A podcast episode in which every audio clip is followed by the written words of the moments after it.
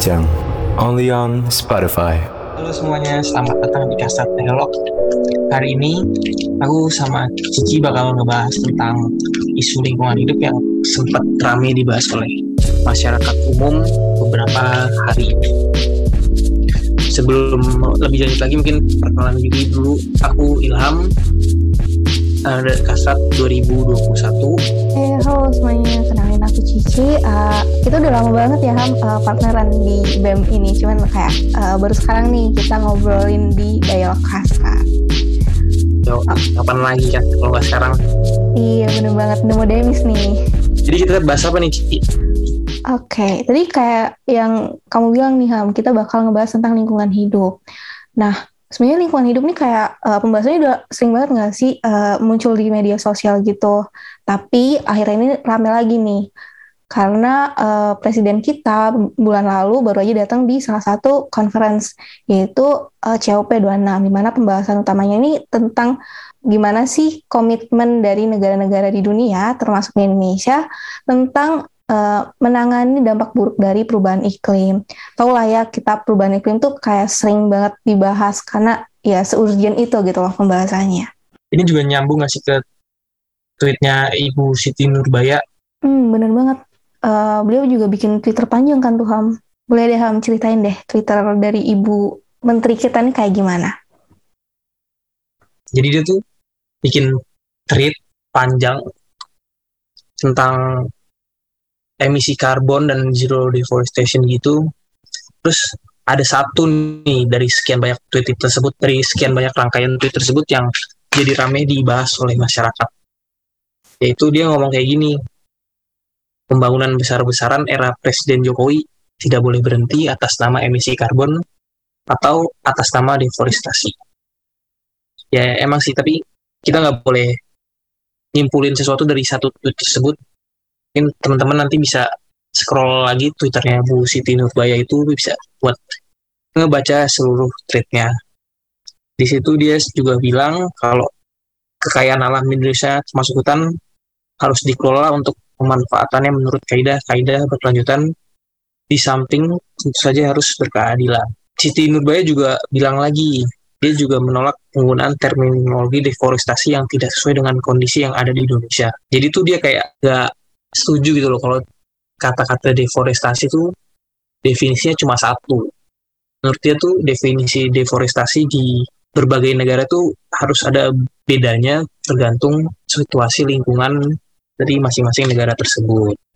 Nah, benar banget nih. Uh, kalau misalkan deforestasi itu nggak bisa nih kita artikan dalam satu kalimat yang benar-benar saklek definisinya itu gitu. Karena setiap negara uh, ini punya definisi deforestasi masing-masing.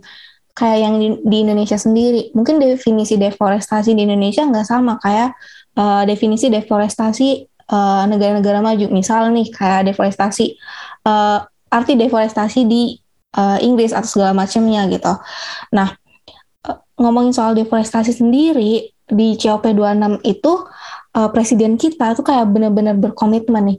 Kayaknya Indonesia bisa uh, di tahun 2030 kita mengurangi uh, emisi karbon. Kita bisa nih mengurangi deforestasi dan segala macamnya. Tapi ternyata uh, kita tahu dong Indonesia kan uh, negara berkembang ya. Gak mungkin nih uh, selama 10 tahun ke depan Indonesia harus berhenti pembangunannya karena Indonesia ingin menekan angka deforestasi gitu. Nah, setuju tuh Ci. Deforestasi itu emang erat banget sih kaitannya sama pembangunan.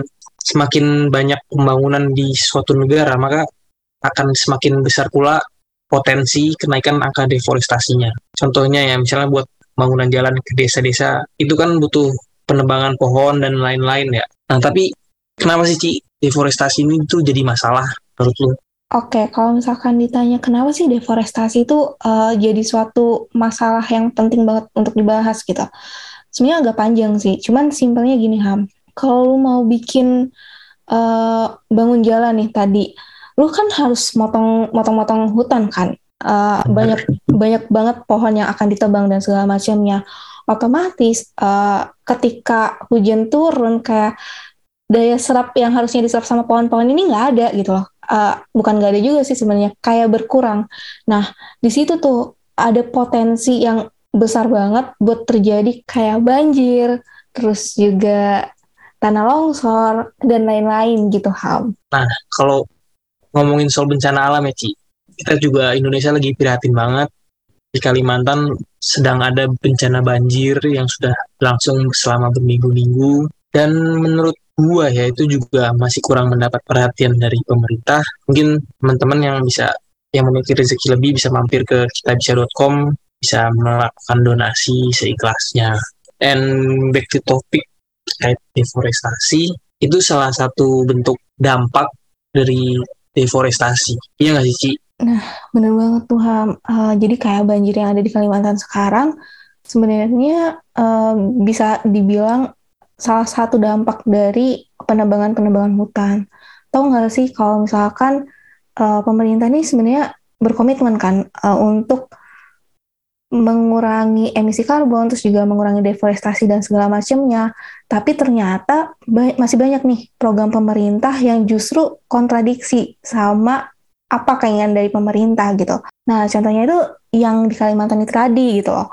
Uh, jadi pemerintah ini punya program namanya Food Estate, di mana Food Estate ini sebenarnya bagus nih tujuannya. Tujuannya adalah um, kita Indonesia nih jaga-jaga gitu loh akan ketahanan pangan di negara kita sendiri. Tahu lah ya kayak ketahanan pangan kita nih uh, lagi kacau lah akibat pandemi COVID. Tapi sayangnya di penerapannya itu justru uh, agak bertentangan sama keinginan pemerintah yang mengurangi deforestasi. Nah, dilihat dari datanya nih, ada sekitar 120 ribu hektar tanah di Kalimantan Barat, terus juga ada 180 hektar 180 ribu hektar di Kalimantan Tengah, dan juga ada 10 ribu hektar di Kalimantan Timur yang dibabat habis untuk program food estate ini. Nah, sebenarnya kenapa sih kok food estate ini jadi bagian deforestasi? Jadi gini, uh, itu hutan-hutan gambut, uh, mereka dibabat habis, dan tanahnya itu dipakai untuk pertanian gitu. Jadi kan itu alih fungsi ya. Nah, yang harusnya ini tanah apa ini hutan? Menyerap air Bener banget. Jadi nggak bisa lagi tuh fungsinya kayak gitu gitu. Jadilah sekarang akibatnya uh, ada banjir di Kalimantan. Mungkin nggak cuman tentang deforestasi sebenarnya akibat banjirnya, cuman uh, deforestasi itu salah satu faktor gitu loh penyebab banjir di Kalimantan. Terus yang jadi masalah ini juga nggak sih? Sebenarnya deforestasi itu nggak masalah. Yang penting sesuai dengan kaidah lingkungan, ada kajian hidupnya sebelum melakukan deforestasi. Bener gak sih?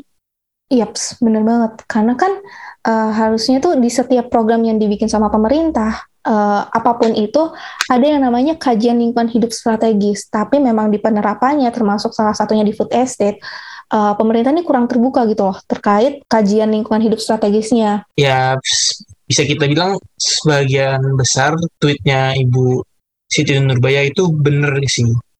Dia tuh nggak setuju Indonesia 2030 itu menjalankan zero deforestasi. Kalau dilihat lagi juga ya, angka emisi karbon Indonesia itu masih rendah banget sih. Wah, berapa tuh Ham, kalau boleh tahu? Ya, kalau Indonesia itu emisi karbon per kapitanya ada di 2,18 metrik ton. Itu angka tahun 2018. Terus kalau kita lihat lagi dibandingin dengan Amerika, Amerika itu ada di angka 15,24 metrik ton dan di United Kingdom itu ada lim, ada di angka 5,4 metric ton. Jadi sejauh ini apa ya walaupun se dampaknya se segininya sampai Kalimantan banjir kebakaran hutan di mana-mana Indonesia itu masih tergolong rendah dampak emisi karbonnya dan balik lagi sebenarnya itu berarti yang jadi masalah kan ada di pengaplikasian dari uh, kajian yang udah dibuat sebelum proyeknya dan implementasinya. Nah, tadi kan kita udah denger dengerin pendapatnya Ibu Menteri Lingkungan Hidup terkait zero deforestasi, Ci. Tapi kalau pendapat lu sendiri, Ci, terkait zero deforestation? Agak berat ya kalau kita ngomongin tentang zero deforestation ini. Uh, menurut gue kalau ngelihat kondisi Indonesia saat ini di mana di mana Indonesia ini uh, adalah sebuah negara yang sedang berkembang gitu loh dan pembangunan ada di mana-mana kayaknya untuk sampai ke zero deforestation itu nggak mungkin gitu uh, kita masih butuh banyak banget uh, pembangunan infrastruktur, kita masih perlu banyak banget pembenahan-pembenahan di banyak sektor gitu. Dan pembenahan-pembenahan itu sangat sangat erat kaitannya sama deforestasi gitu. Jadi kayak kalau misalkan dibilang Indonesia akan berkomitmen untuk zero deforestation itu kayaknya agak nggak mungkin sih. Mungkin uh, narasi yang lebih tepatnya adalah kita mencoba untuk mengurangi deforestation kali ya Ham.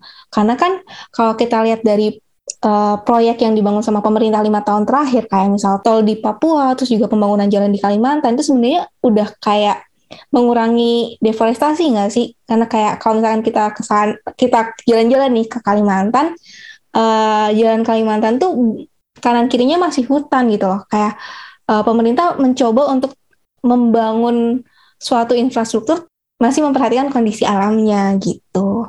Menurut lo sendiri gimana Ham? Kalau menurut gue ya Indonesia kan juga masih negara berkembang butuh banyak lahan dan resource untuk diolah. Negara-negara yang menggagas zero deforestation itu pasti kan dulunya tuh dia ngelewatin masa-masa ini di mana hutan-hutannya dibabat, hutan uh, sumber alamnya diolah sedemikian rupa. Dan itu suatu proses yang harus dijalani sih menurutku untuk Indonesia menjadi negara maju atau at least berubah naik statusnya menjadi negara yang lebih dari sekarang. Dan kalau dihentikan menurut gue juga sama sih nggak mungkin zero deforestation itu nggak mungkin banget. Tahun berapapun gue lebih ke nggak setuju terkait itu. Gue lebih setuju untuk diolah sedemikian dengan baik diperhatikan lagi segala implementasi aturannya. Apalagi kan setiap proses pembangunan ada seperti yang bilang tadi Ki ada harus ada kajian lingkungan hidup itu udah cukup baik tapi lagi-lagi implementasinya. Nah benar banget tuh Ham kalau kita lihat sebenarnya uh, pemerintah ini udah punya program-program yang baik. Kayak pemerintah tuh udah punya aturan-aturan yang cukup mumpuni gitu loh untuk menjalankan suatu program dengan baik dan sesuai dengan rencana mereka. Tapi ternyata implementasinya tuh masih aja kurang gitu. Sebenarnya ini bukan cuma jadi PR untuk pemerintah, tapi kita sebagai masyarakat juga punya peranan penting gitu loh untuk uh, menjadi kontrol pemerintah. Kayak misalnya, oh ini uh, lingkungan aku lagi dibangun sebuah proyek baru nih dari pemerintah kok gak uh, kit, kok aku belum tahu ya kajiannya kayak gimana. Nah mungkin kita kayak bisa lebih mempertanyakan lagi nih ke pemerintah mana nih kajiannya. Nah mungkin dari situ juga pemerintah uh, merasa kalau mereka ada kontrolnya nih. Oke jadi uh, gue punya tanggung jawab untuk ngasih kajian ke mereka dan memastikan bahwa uh, lingkungan sekitar mereka tetap aman gitu loh dari uh, pembangunan tersebut gitu. Dan menurut gue lagi ya Ci, Indonesia tuh kalau mau concern ke sustainable hal-hal kayak gitu, yang harus jadi top prioritasnya tuh lebih ke waste management sih. Di Indonesia kan seperti yang kita tahu banyak banget sampah sisa makanan yang terbuang-buang hal kayak gitu tuh yang justru harusnya jadi top prioritas. Jadi kayak emisi karbon, deforestasi, itu tuh seperti isu negara-negara Eropa yang disetir ke Indo, biar negara mereka tuh bisa punya kekuasaan lebih, agar negara mereka tuh, tuh bisa tetap bangun, tapi juga nggak mau disalahin kayak gitu sih. Apalagi juga mereka juga ngasih insentif sih ke kita tuh kalau kita mau mengurangi karbon. Iya, iya banget. Iya banget, Ham tau nggak sih insentifnya itu juga agak lumayan gede sih hitungannya gitu ya. Uh, kalau nggak salah, kalau dari datanya itu Inggris uh, akan memberikan in, akan memberikan insentif sebesar 4,9 triliun HAM untuk negara mana pun yang berhasil ngelindungin hutan mereka gitu. Ini kasarannya kayak uh, penyogokan gitu ya, penyogokan antar negara gitu.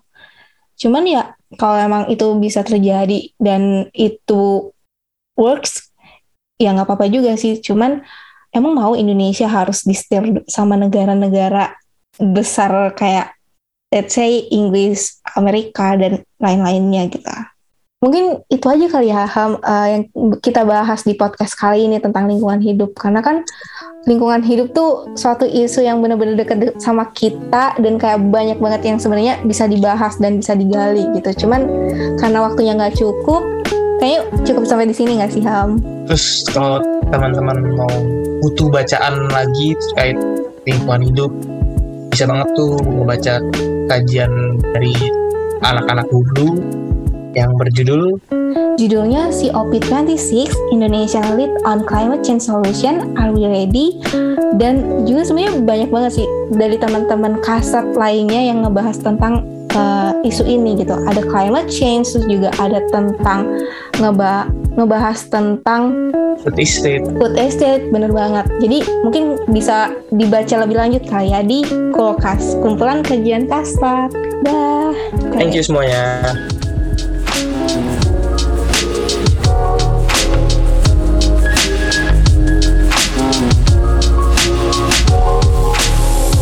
Bincang, only on Spotify.